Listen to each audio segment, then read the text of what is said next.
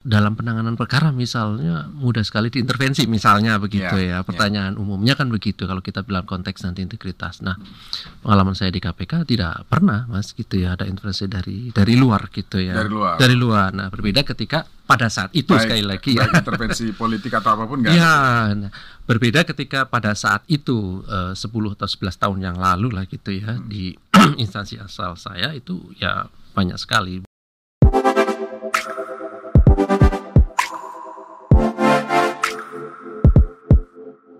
Halo pendengar dan netizen Radio Sinta di mana pun Anda berada, terima kasih Anda bersama kami terus mengikuti eh, setiap episode podcast Radio Sinta dan tamu kita kali ini adalah yang sering Anda saksikan dan sering Anda dengar di radio dan Anda saksikan di layar televisi, utamanya ketika ada eh, penangkapan, operasi tangkap tangan dan lain sebagainya yang dilakukan oleh KPK. Nah, yang sering muncul di publik menjelaskan kepada publik adalah juru bicara KPK, jubir KPK, yang sekarang sudah hadir di studio podcast adalah Pak Ali Fikri. Halo Pak Ali Fikri, apa Halo, kabar? Mas. Eh, gitu ya.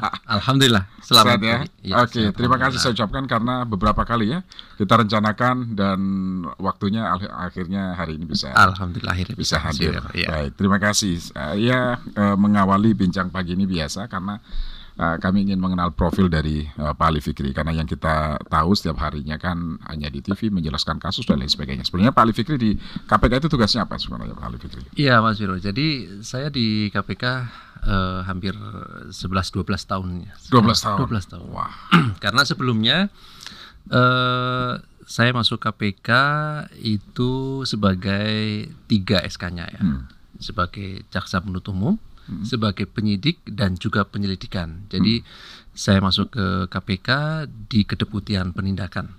ya, jadi tugasnya, sangar juga ya. Ya tugasnya, Ternyata juga nangani- loh Pak Ali Fikri. tugasnya nangani perkara gitu Iya, ya. iya. Karena memang eh, basic saya kan dari kejaksaan ya, dari jaksa, jaksa dan juga sekaligus penyidik gitu kan di sana gitu. Sehingga ketika masuk di KPK maka saya masuknya di kedeputian eh, penindakan sampai tahun 2020 gitu ya. Nah, tahun 2020 sampai hari ini eh, masih di juru bicara dan juga di kepala bagian pemberitaan Mm-mm. gitu. Jadi di humas gitu ya. Mm-mm. Jadi memang eh, sebenarnya ini kan tugas yang sangat berbeda ya. Ya, Di kedeputian penindakan, kemudian sekarang di kesetjenan gitu ya. Karena humas di bawah eh, sekretariat jenderal KPK gitu kan. Ada dua hal yang berbeda dan eh, tentu ini menjadi tantangan ya ketika saya masuk eh, ke bagian dari humas maka menjadi tantangan baru. Nih kita berbeda gitu ya, kan? betul. karena ketika nangani perkara tentu hari-hari saya harus membaca berkas gitu kan? Harus menganalisis eh, apa penyelidikan penyidikan gitu ya perkara. Kita bicara perkara-perkara setiap hari gitu ya. Baru kemudian kita beralih eh, ke bagaimana mengkomunikasikan gitu ya hasil kerja-kerja KPK secara keseluruhan kan gitu ya tidak hanya di penindakan gitu Mas Wiryo gitu ya Walaupun eh, kami paham masyarakat sebagian besar kalau melihat KPK kan dari sisi penindakan kan Ya, gitu ya. ya. Selalu melihatnya bahwa KPK itu kacamatanya selalu wah kapan menangkap orang dan seterusnya gitu ya. Jumat Padahal- keramat gitu ya. Jumat keramat gitu. Padahal sangat luas sekali kalau kita bicara mengenai tugas-tugas KPK dan sampai hari ini saya dan tim harus eh, memahami semua kerja-kerja KPK, hasil-hasil kerja KPK yang kemudian kami sampaikan, kami publikasikan ke masyarakat. Ya, jadi mempublika- mempublikasikan kerja-kerja KPK juga bagian dari eh, tugas dan kewenangan KPK dalam hal nanti di sana ada asas-asas eh, kerja KPK. Ya, antara lain keterbukaan.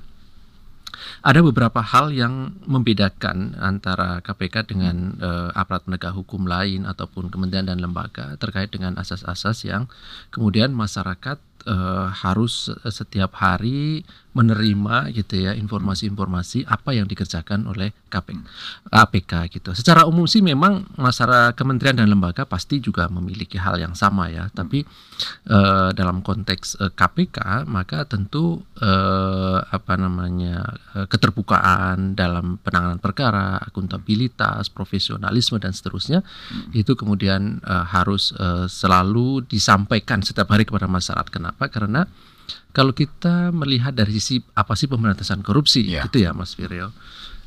Beberapa hal poin tentang pemberantasan korupsi nanti ujungnya adalah bersama dengan eh, masyarakat atau membutuhkan peran serta masyarakat gitu. Nah, sebenarnya di situ maknanya kenapa KPK harus selalu mempublikasikan seluruh kerja-kerjanya kepada Ya. masyarakat gitu ya. Dengan harapannya masyarakat bisa ikut mengawal, bisa mengawasi gitu ya. Bisa memberikan informasi kepada KPK gitu ya, dalam hal tugas-tugasnya tersebut. Ya, Begitu, jadi itulah peran serta masyarakat ya. Tapi Betul. sebetulnya yang ingin saya tahu, bagaimana sih proses eh, seorang jaksa penuntut KPK ya, Ali Fikri, Iya. Pak, Pak Ali Fikri di kejaksaan gitu ya. Kemudian Iya. masuk ke KPK itu prosesnya bagaimana itu Pak? Itu prosesnya lumayan Penugasan atau memang ikut asesmen atau? Nah, betul. Jadi ada asesmennya tentu ya. Jadi kebetulan saya terakhir tugas di kejaksaan. Waktu itu 10 tahun di kejaksaan, Mas Ire ya. 10 Kejaksaan tahun. Agung. Kejaksaan Agung, tapi saya tugasnya itu di wilayah di Kalimantan Timur. ya. Oh. Di Kalimantan Timur di beberapa wilayah dari mulai Balikpapan, Kabupaten Pasir, eh, Tanah Grogot ya. Dulu Tanah Grogot, sekarang Kabupaten Pasir, kemudian ke pernah di Sangatta juga di Kutai Timur, kemudian eh, terakhir di Malinau. Malinau, Malinau. itu sekarang Kalimantan Utara ya, Iya. Kalimantan Utara, di perbatasan dengan Malaysia. Hmm. Jadi sebenarnya pada saat itu tahun 2023 ya Hmm. sekitar itu memang kan akses informasi nggak sekarang seperti ini ya terbuka semua bisa kita dapatkan informasi. Hmm. Jadi saat itu eh, sangat minim sekali saya mendapatkan informasi dari Jakarta ya dari Ya. teman-teman eh, di KPK ataupun di Kejaksaan Agung itu sendiri ketika ada perekrutan eh, jaksa gitu ya. Nah, suatu saat saya mendapatkan informasi saya di Kejaksaan Negeri Malino dari informasi dari seorang teman di Kejaksaan Tinggi itu di Samarinda gitu bahwa ini ada perekrutan KPK saat itu. Tahun 2011 berarti ya. Tahun 2011. Nah, perekrutan di KPK pada saat itu sangat ketat sekali Mas Wirjo ya. Bahkan satu tahun misalnya kita me- KPK melakukan perekrutan kebutuhan terhadap jaksa gitu. Hmm. Ada misalnya dibutuhkan 20 orang gitu ya, yang daftar bisa 200 sampai 300. Kalau tidak memenuhi kualifikasi bisa nol. Oh. Berapa kali nol gak dapet gitu. Oke. Pada saat Ka- itu. kalau Pak Ali Fikri Nah. ketika masuk tes langsung lolos atau gimana? Saya sekali betul, saya Sekali sekali ya? sekali, Ah. lolos. Saat itu 2011 sekitar 300 atau 400 orang ya Hmm. di antara itu. Kemudian eh saya masuk dan itu dalam sejarah KPK jaksa yang masuk seangkatan saya paling banyak saat itu 20 Hmm. dari 300 400. Biasanya paling 5 gitu. Bahkan Ya. beberapa kali kosong nol tidak pernah ada yang Ya. apa eh, bisa masuk lolos seleksi ketat Ya. sekali masuk ke KPK dengan berbagai apa ya latar belakangnya juga harus ditelusuri Ya. dari tingkat profesionalismenya background check Rekam jejaknya ya. rekam Sangat jejaknya ketat sekali. sangat ketat sekali ketika nangani perkara dan seterusnya gitu ya Oke, tapi sebetulnya Pak Ali Fikri kalau kalau dilihat dari eh, pengalaman penugasan yang di di alami Pak Ali Fikri itu Iya. kan sudah banyak sekali ya penugasan di mana-mana. Ini kan tinggal Betul. menunggu sebetulnya. Eh, Kalau proses karir itu tinggal menunggu nih.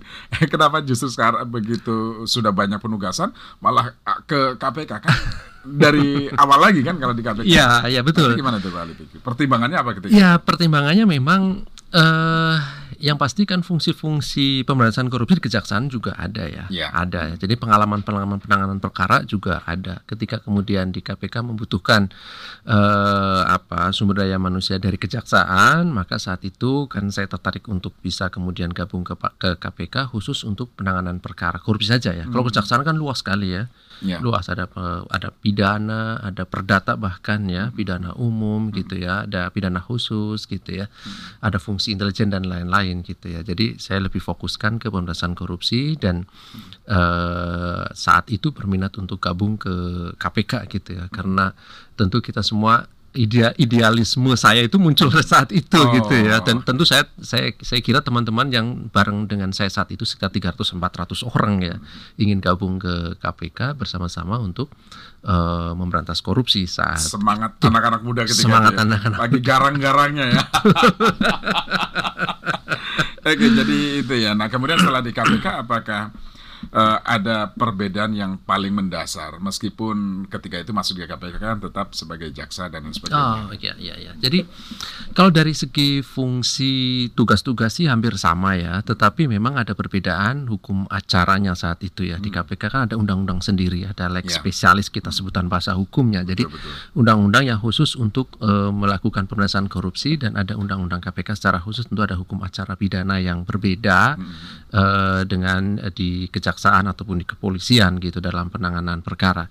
Eh, yang kedua yang pasti saat itu ya itu mengenai budaya kerja. Kan berbeda ya budaya kerja di eh, tempat asal saya saat itu gitu. Tapi sekarang sih sudah berubah nih Mas Firyo ya. saat itu ya udah 10 tahun atau 11 tahun yang lalu itu ada apa nuansa yang berbeda tentunya ya budaya kerja eh, bagaimana kemudian eh, penguatan di nilai-nilai integritas dan seterusnya itu menjadi poin penting di KPK kan. Jadi penilaian utama di KPK eh, saat perekrutan itu justru poin pentingnya di integritas, Mas. Integritas. Di integritas Mas Firyo. Integritas baru kemudian nanti ke profesionalisme kecakapannya gitu ya.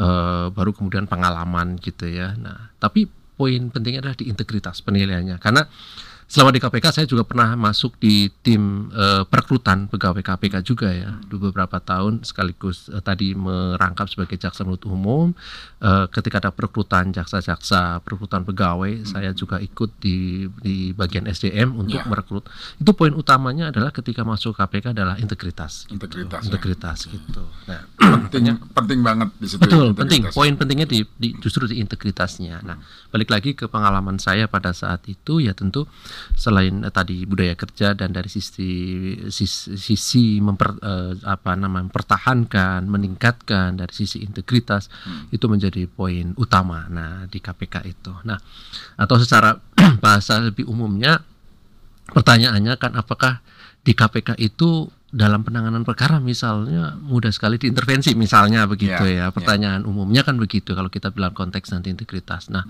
pengalaman saya di KPK tidak pernah mas gitu ya ada intervensi dari dari luar gitu ya Dari luar. dari luar nah berbeda ketika pada saat itu Baik- sekali lagi ya intervensi politik atau apa pun enggak? Ya, nah, berbeda ketika pada saat itu eh, 10 atau 11 tahun yang lalu lah gitu ya Hmm. di instansi asal saya itu ya banyak sekali budaya-budaya seperti Barangkali itu. itu yang membuat eh, Pak Ali Fikri eh, rasanya kita harus hijrah dulu nih. Nah, Tantangannya lebih garang itu ya. Soal betul. integritas tadi sebetulnya. Soal integritas, integritas. betul. Bukan karena eh, apa fasilitasnya lebih berbeda gitu ya. Bukan karena itu juga ya. Justru pada saat itu ketika masuk eh, saya dan teman-teman yang lain saya kira tidak tahu sama sekali ya Oh, mengenai oke. Apa ya kompensasi dan lain-lain KPK ya. enggak Karena ya? kan memang tidak pernah dipublikasikan ya. Iya. Berapa sih kompensasi di KPK Hmm. ya pada saat itu, kemudian fasilitasnya apa, itu kita tidak tahu sama sekali. Jadi lebih kepada semangat soal pemberantasan korupsi semangat integritas betul, tadi ya. Betul, semangat Karena trust integritas. masyarakat ketika itu ya. Betul, pada saat itu. pada saat Pada itu. saat itu. ya. Nah, kan banyak cara yang dilakukan oleh para koruptor Iya. yang berperkara di KPK. Misalnya dia melakukan pendekatan Iya, iya. tidak secara langsung Hmm. kepada eh, pimpinan-pimpinan KPK, tetapi juga orang-orang di sekitar dan lain sebagainya. Nah, selama 12 tahun di KPK pernah nggak sih Pak Ali Fikri eh, punya pengalaman gitu didekatin orang atau diminta di lobby untuk sampaikan ke pimpinan atau apa gitu? Kalau saya pribadi ya selaku jaksa penuntut umum penyelidiknya tidak pernah, Mas. Nggak pernah. Enggak pernah. Masa sih nggak Bener, saya tidak pernah dan dan saya kira teman-teman yang lain juga merasakan hal yang sama ya. Tidak pernah misalnya eh, langsung begitu ya, misalnya datang ke rumah atau telepon atau eh, ini mas dibantu perkara dan seterusnya gitu ya, melakukan pendekatan. Tapi kalau ancaman gitu ya, Ancaman. ancaman, keamanan dan seterusnya, ya Sering. itu hal biasa. Oh, hal biasa. Sebentar. Kalau hal biasa berarti sering banget ya. Ini hal biasa. Iya. Ancaman ketika menangani perkara. Misalnya perkara-perkara yang menarik perhatian dan eh, eh, apa namanya satu tokoh gitu ya di daerah misalnya gitu ya, tentu kan mereka punya eh, apa namanya pengikut, pendukung gitu ya. Nah itu uh, ada gitu yang melakukan pengancaman-pengancaman. Nah, makanya kemudian kan Ancamannya itu berupa apa? Intimidasi, Ya. misalnya telepon atau datang ke rumah di depan rumah jaga-jaga lihat-lihat begitu sekedar eh, apa? Intimidasi. kalau pengalaman saya pribadi itu ya memang kemudian kan ada misalnya laporan dari eh, security di rumah misalnya ada yang mencari, ada orang bertanya-tanya dan seterusnya gitu ya.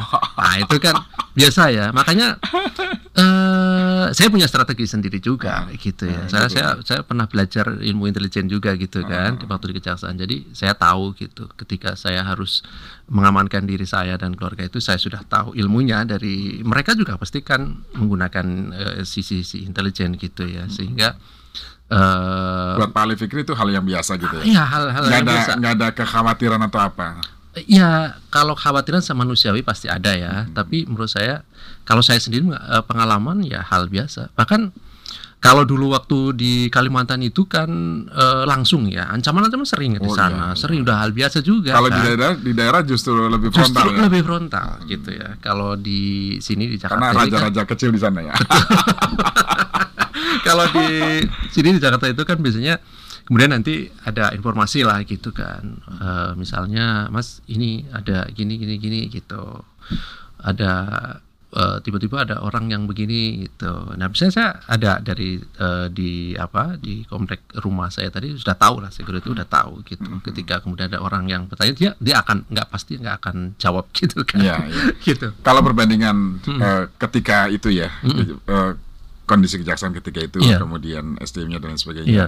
dengan di KPK ya, Iya. misalnya, lebih sering mana eh, intimidasi, ancaman itu dialami oleh eh, seorang Ali Fikri? karena dulu itu kan saya tugasnya relatif di pelosok-pelosok daerah ya dan itu langsung masyarakat yang pada saat itu gitu ya itu kan lebih banyak kurang teredukasi masalah hukum ya jadi lebih banyak di sana pada saat itu Ya, Lebih karena raja-raja kecil tadi juga ya Betul, sangat pengaruh ya. sangat pengaruh. Kalau di KPK relatif lebih apa ya, mungkin mereka juga lebih intelek cara cara untuk ininya ya. Nah, itu yang saya maksudkan tadi, kemudian cara-caranya Lebih kita juga ya. harus lebih eh, apa ya eh, dari sisi saya pribadi kemudian antisipasinya yang yang terpenting gitu ya, membaca situasinya ya ketika menangani perkara kemudian eh, banyak informasi yang harus kita gali, kita cari Ya, gitu ya, ya. latar belakangnya, backgroundnya dan lain-lain sehingga ketika ada hal-hal aneh yang kemudian misalnya ada informasi ada yang mencari gitu tapi Ya. nggak tahu nama dan seterusnya tidak disebutkan, nah saya harus waspada dan Itu biasanya pada saat ada penanganan kasus. ada ya? penanganan perkara Oke. pada saat itu. Ada penanganan perkara. Iya. Bagaimana dengan keluarga? Sudah terbiasa dong.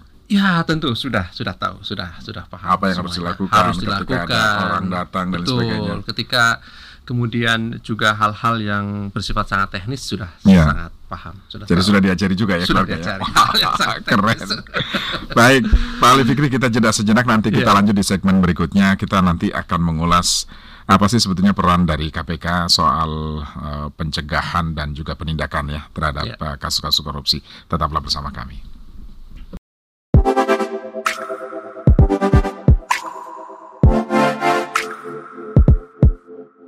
Oke pendengar dan netizen Radio Sinta terima kasih Anda masih bersama kami Perbincangan dengan Pak Ali Fikri juru bicara KPK ini menarik banget ya Karena ternyata banyak juga ancaman yang dialami Bukan hanya ketika di KPK saja tetapi ketika bertugas di kejaksaan juga sama Di KPK modusnya berbeda agak canggih juga kayaknya ya. Nah oke tapi segmen kali ini kita akan mengulas bagaimana sih sebetulnya peran eh, KPK ya Peran dan tugas KPK dalam rangka eh, pencegahan eh, korupsi Kemudian juga eh, penindakan terhadap kasus-kasus korupsi. Nah, Pak Ali Fikri bicara soal tugas KPK, apa sih yang yang eh, u- paling utama ya, pencegahan atau penindakan?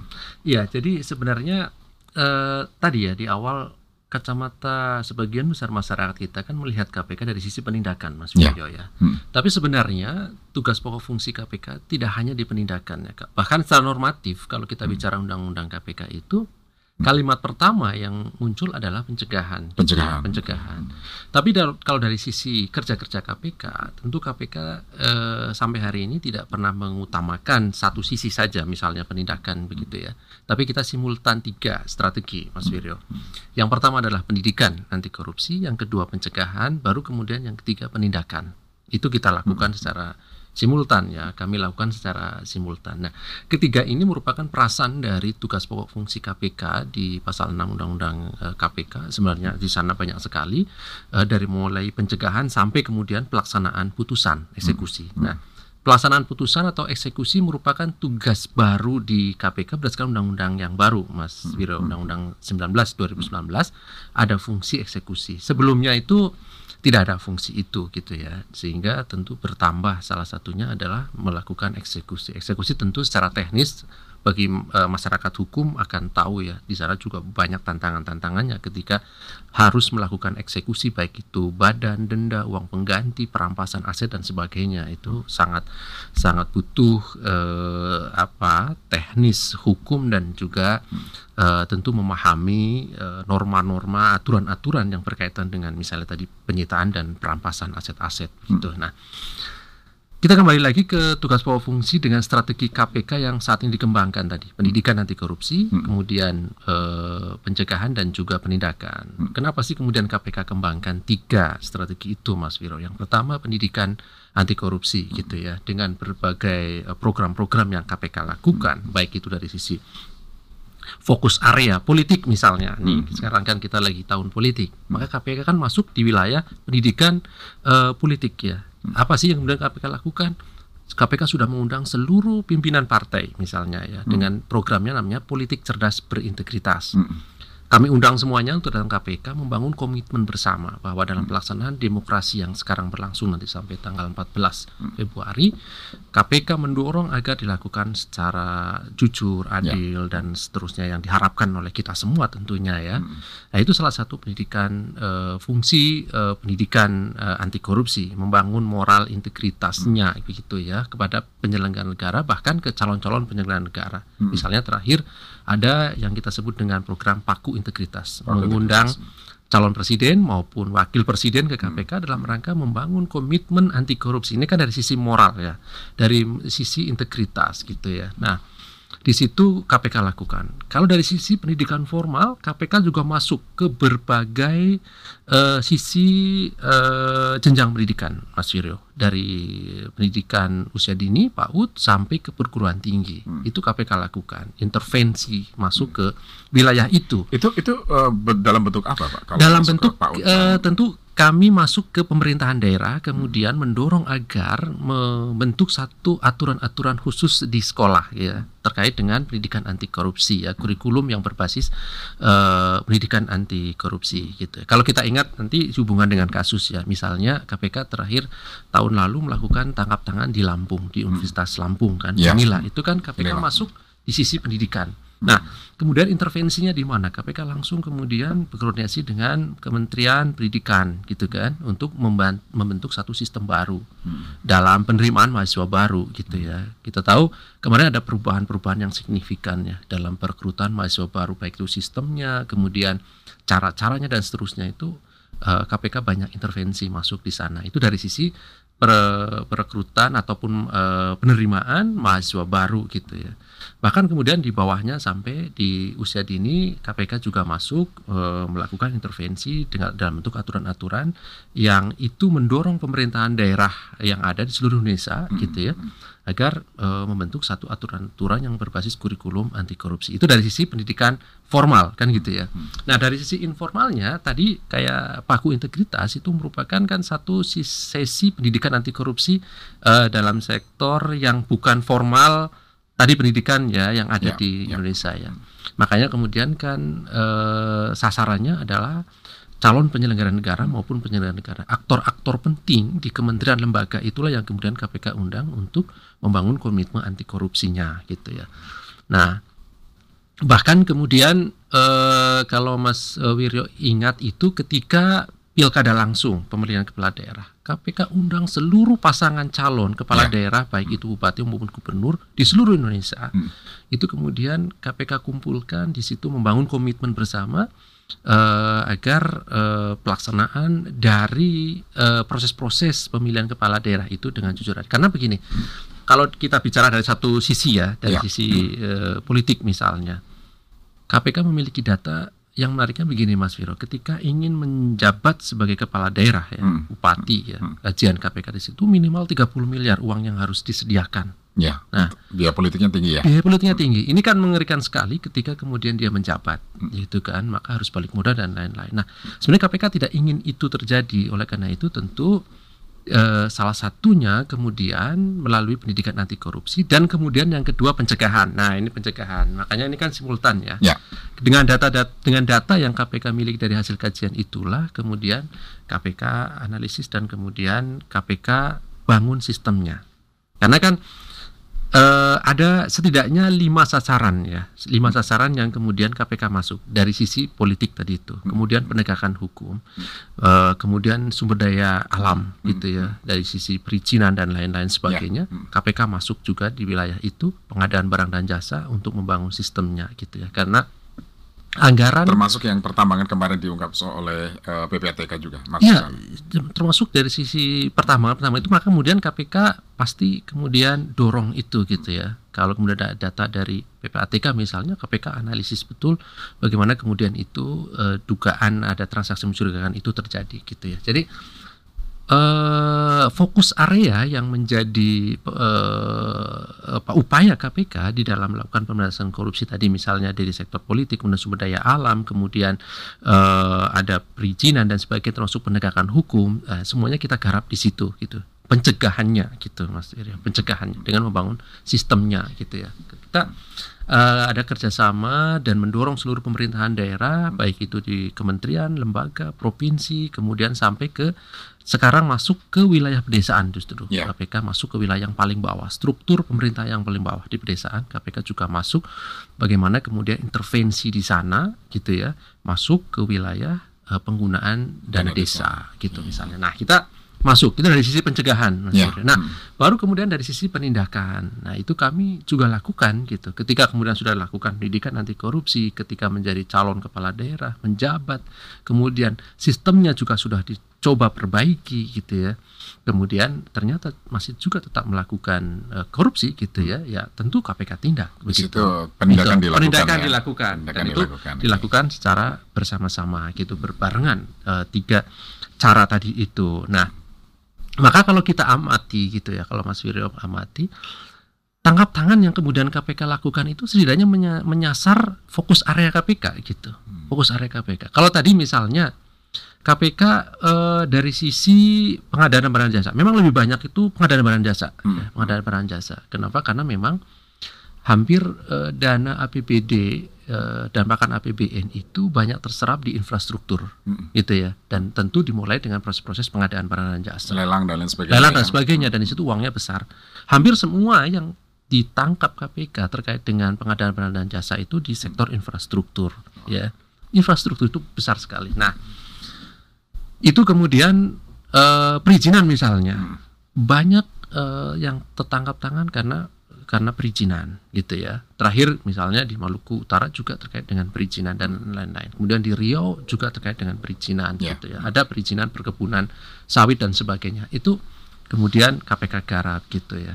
Dari sisi lain misalnya ya penegakan hukum. Nah KPK kan kemarin juga melakukan penangka, tangkap tangan ada di Jawa Timur Ya. gitu ya terhadap oknum penegak hukum. Ya. Sebelumnya Hmm. juga ada hakim gitu ya yang juga ditangkap. Kami coba untuk perbaiki dari sisi penegakan hukum. Hmm. Artinya ketika melakukan penangkapan tidak kemudian ditinggal begitu saja Mas Wiro. Kami coba bersama-sama Hmm. dengan pengawas internalnya dalam konteks pemerintahan daerah dengan inspektoratnya Hmm. kita coba eh, analisis kelemahannya di mana. Karena setiap tindak ada tindak pidana korupsi pasti ada kelemahan kan, Hmm. gitu, kelemahan sistem. Maka kemudian eh, kami coba perbaiki eh, bersama-sama dari sisi dari sisi sistemnya gitu. Ya. Nah, ya, di samping nanti pendidikan anti kor, eh, anti korupsinya juga dilakukan itu. Ya, Jadi satu hal yang simultan terus menerus uh, dari pendidikan, pencegahan dan hmm. juga penindakan. Secara penindakan. sederhananya seperti itu. Kita okay. singkat okay. Uh, eh, apa tugas pokok fungsi KPK yang ada di undang-undang. Kalau yeah. kita nanti berbicara secara luas, sebenarnya datanya kami sangat lengkap. Kebetulan beberapa hari yang lalu sudah kami publikasikan kan hmm. hasil kerja KPK selama setahun. Yeah. Berapa penindakannya, berapa pencegahannya, berapa pendidikan anti korupsinya, termasuk tadi membangun kurikulum berbasis anti korupsi dan ya. sebagainya. Yeah. Bagaimana kemudian membangun sisi agen-agen uh, anti korupsi di daerah gitu ya, ya. itu KPK lakukan. Oke. Okay. Gitu. Pak Ali Fikri, kita ya. kan kerap mendapatkan uh, rilis dari PPATK ya. ya. Tadi saya sedikit menyinggung soal uh, dana tambang ya, hmm. yang ilegal dan lain sebagainya begitu ya. Nah, ya. Kemudian ada kaitannya dengan kegiatan politik ya, begitu. Ya, ya. Dan sekarang situasinya kan memang situasi politik yang Betul. begitu dinam, dinamikanya itu uh, sangat uh, kuat sekali di lapangan yeah. gitu ya. Mm-hmm. Nah, apakah KPK juga setelah menelaah laporan dari PPATK menemukan ada indikasi bahwa mm. aliran dana-dana itu juga masuk ke uh, katakanlah kegiatan politik? Oke, okay, jadi begini Mas Wiro. Data PPATK itu kan merupakan data intelijen keuangan, yeah. gitu ya. Hmm. Jadi uh, itu kan bersifat informasi sama ketika dengan informasi yang masyarakat berikan atau sampaikan kepada KPK. Ya. Hmm. Tahun lalu kan sekitar lima ribuan lebih laporan yang masuk ke KPK dari masyarakat. Ya. Hmm. Nah, PPATK merupakan juga data dan informasi yang kemudian diserahkan pada penegak hukum kepada hmm. KPK hmm. yang itu ada transaksi mencurigakan, hmm. ya, sebagaimana yang tadi Mas Viro sebutkan. Nah, di dalam undang-undang e, tindak pidana pencucian karena PPATK itu nanti kita bicaranya TPPU mm-hmm. Mas Wiryo ya yeah, jadi yeah. bukan bicara korupsi gitu ya yeah. tapi bicaranya TPPU mm. kenapa karena tentu salah satu e, predikat atau apa predikat crime gitu ya atau tindak pidana asal dari TPPU itu salah satunya adalah korupsi mm. dan korupsi itu adalah satu-satunya ataupun yang menjadi kewenangan KPK di Undang-Undang TPPU itu adalah korupsi di samping 20 lainnya. Misalnya tindak pidana perpajakan, terorisme, eh, TPPO dan eh, judi dan sebagainya itu tentu bukan wilayah KPK kan gitu ya. Lah wilayah KPK hanya di wilayah Korupsi. korupsinya. Nah sehingga pertanyaan dari Mas Firyo kami jawab bahwa tentu analisis KPK adalah mengarah ke sana. Hmm.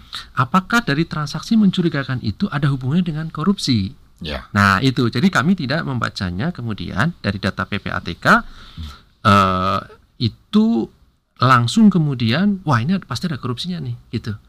Karena bisa jadi transaksi mencurigakan yang berkaitan dengan tadi e, partai politik, kemudian isu pertambangan, bisa jadi masuknya adalah wilayah pidana umum, wilayah pertambangan, hmm. tindak pidana pertambangan, tindak jadi pidana itu, lain. Jadi itu bukan ranahnya KPK di situ. Ya? Nah, ya? bukan ranah KPK tentunya kalau itu. Tetapi analisis KPK tetap KPK lakukan sesuai dengan tugas pokok fungsi KPK di ranah korupsinya. Sejauh gitu. ini apakah ada indikasi ke arah uh, Sejauh ini kema ke kemarin sudah disampaikan uh, kita belum menemukan ke arah sana ya Uh, justru kemudian kan data terakhir itu terkait dengan uh, pertambangan kan, jadi bukan uh, wilayah yang kemudian uh, masuk ke pidana khusus. Tapi berbeda ketika kalau kita berbicara kebijakan kepala daerah misalnya hmm. yang berhubungan dengan menguntungkan pihak lain di sektor pertambangan. Ya. Nah, itu nah, baru itu masuk, masuk situ, ya. wilayah KPK. Tapi dari Tapi informasi kalau, yang disampaikan PPATK uh, kan pengembangan ya. Nah, ya, ya. dianalisis pengembangan apakah memang ada kaitannya dengan proses perizinan yang menyalahi aturan yang dikeluarkan ya. oleh Nah, kepala daerah misalnya itu kan bisa diterisi ke sana. Betul, betul. Itu yang kemudian KPK analisisnya ke sana gitu. Hmm. Kita cari apakah kemudian ada peristiwa pidana korupsi ataukah dugaan peristiwa pidana lainnya. Ini masih terus berproses terus ya. berproses, terus berproses. Nah, cuman sebagai pemahaman bersama Mas Wirjo ya semua transaksi mencurigakan itu belum tentu kemudian ada pidananya di dalamnya. Itu juga menjadi pemahaman kita bersama ya. Sebenarnya ini tugas PPATK untuk menyampaikan hal-hal teknis seperti ini ya. Karena memang secara normatif transaksi mencurigakan itu kan ketika ada transaksi yang keluar dan masuk yang yeah. kemudian diduga tidak sesuai dengan profilnya. Bisa jadi keluar masuknya dari dana sah kan begitu ya. Yeah. Tetapi kemudian tidak sesuai dengan profilnya, maka perlu penjelasan-penjelasan hmm. lebih lanjut dari si pemilik rekening. Nah, di situlah fungsinya konfirmasi, yeah. klarifikasi kan begitu ya dari orang-orang yang kemudian transaksinya uh, rekeningnya mencurigakan hmm. gitu. Oke, okay, baik. Ya. Nah, ini terakhir soal paku integritas ya. karena ini kita mengukur ya, mengukur komitmen para calon pemimpin kita Iya, lah ya, iya. calon pres- presiden, calon wakil presiden yang nanti terpilih, kira-kira bagaimana komitmennya terhadap secara umum bagaimana yang dilakukan Iya. kemarin? Kemarin Paku Integritas tentu kami mengapresiasi ketika pasangan calon dapat hadir ke KPK, KPK sampaikan hambatan, tantangan begitu ya, pemberantasan korupsi baik dari aspek regulasi, aspek sinergi koordinasi gitu ya, aspek penguatan KPK secara kelembagaan. Itu sudah kami sampaikan kepada masing-masing pasangan calon dan mereka sudah menyampaikan komitmennya langsung di hadapan masyarakat yang tentu ketika nanti eh, salah satu dari pasangan calon ini terpilih ya sebagai eh, kepala negara begitu ya sebagai presiden maka tentu masyarakat dapat eh, mengingatkan kembali Ya. apa yang kemudian komitmen itu Disampaikan, disampaikan ya. di hadapan masyarakat. Apakah memang selama ini masih ada kendala soal sinergi dan koordinasi dengan eh, apa lembaga negara? Iya, ya faktanya masih masih terjadi Mas Firja ya faktanya. Dari aspek regu- regulasi beberapa aturan-aturan yang tidak mendukung pemerintahan korupsi dalam konteks yang secara lebih luas ya. Misalnya eh, undang-undang perampasan aset. 12 tahun sudah dibahas sampai hari ini belum disahkan. Undang-undang pembatasan tadi transaksi eh, uang kartal misalnya supaya membatasi terjadi penyuapan dan lain-lain. Ini nanti wilayah PPATK ya. Kemudian regulasi-regulasi turunan lainnya. Nah, itu masih banyak tantangan-tantangan yang kemudian KPK hadapi di dalam upaya memaksimalkan pemberantasan korupsi itu kan ujungnya menurunnya angka korupsi kan gitu Ya, ya. ya. Nah, ketika menurunkan angka korupsi ini, maka perlu strategi-strategi efek jerah misalnya tadi itu dengan memiskinkan korup. Ini kan sekarang KPK sedang mengembangkan kalau dari sisi penindakannya adalah memiskinkan koruptor, Ya, Mas Wiryo. Jadi salah satu cara dengan perampasan aset Salah tadi satu ya. perampasan aset. Nah, instrumen yang mendukung itu tentu kan regulasi yang cukup gitu Ya. kan. Nah, dari sisi koordinasi, dari sisi sinergi, KPK selalu kembangkan. Makanya di Undang-Undang 19 2019, nilai-nilai dasar di KPK itu kan kemudian bertambah sinergi, Mas. Kalau dulu kan trigger ya, trigger mekanisme gitu ya.